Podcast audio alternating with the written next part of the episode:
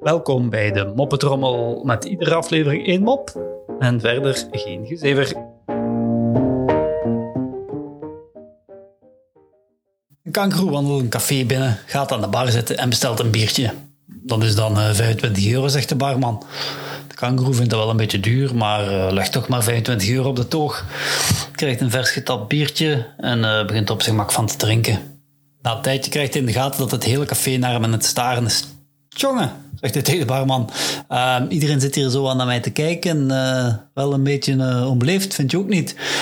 Wel, zegt de barman, eh, je moet dat begrijpen. We krijgen niet zo vaak kangoeroes over de vloer. Ehm, nee, dat snap ik, zegt de kangoeroe. Als je 25 euro voor een biertje vraagt.